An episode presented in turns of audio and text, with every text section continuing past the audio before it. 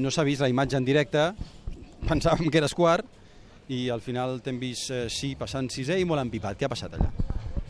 Sí, principalment eh, avui el problema ha sigut que, que la carrera s'ha fet per les Ducatis. Llavors, contra això poc tenim a fer. Al final estem parlant de que Michelin té molts problemes, molts problemes, molts problemes, i qui té problemes realment no és Michelin, és Ducati.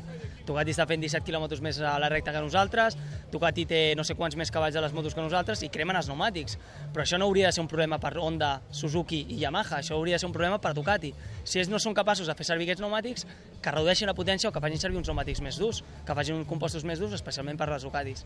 Llavors, partint d'aquesta base, hem sortit, eh, quan hem parat estàvem més o menys ben situats, però clar, eh, les Ducatis tornen a muntar pneumàtic nou, a tornar a adelantar la recta, a tornar a tenir més tracció que ningú, i, i lluitar amb les Ducatis és molt complicat. Llavors hem arribat a les últimes voltes, lluitar amb l'Hector també és molt complicat, amb el Barberà, perquè entra passadíssim a les frenades, et porta fora, a més a més aquí... Espera, perdona, no, no, et vull, no, no et vull interrompre. Héctor Barbera Ducati, Eugene Laverty Ducati, perquè quedi clar.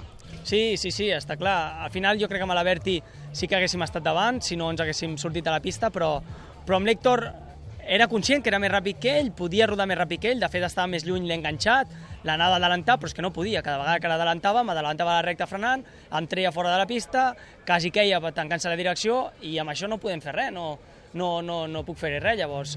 Eh, o posem solució nosaltres a Yamaha o posem solució a direcció de carrera, però jo crec que alguna ha de canviar aquí, no, no pot ser que tot el marrón se l'estigui menjant Michelin i, tots, i, i Yamaha, Honda i Suzuki. Per, hem de parlar d'adulteració, Pol? Jo crec que sí, sincerament. Al final, qui ha sortit més beneficiat en aquesta història?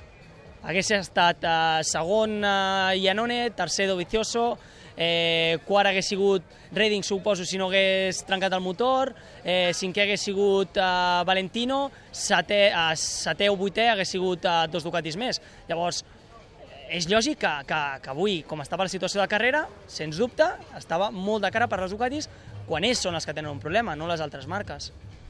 En el cas concret de la teva topada amb, amb l'Hèctor, ha estat que t'ha tret fora directament?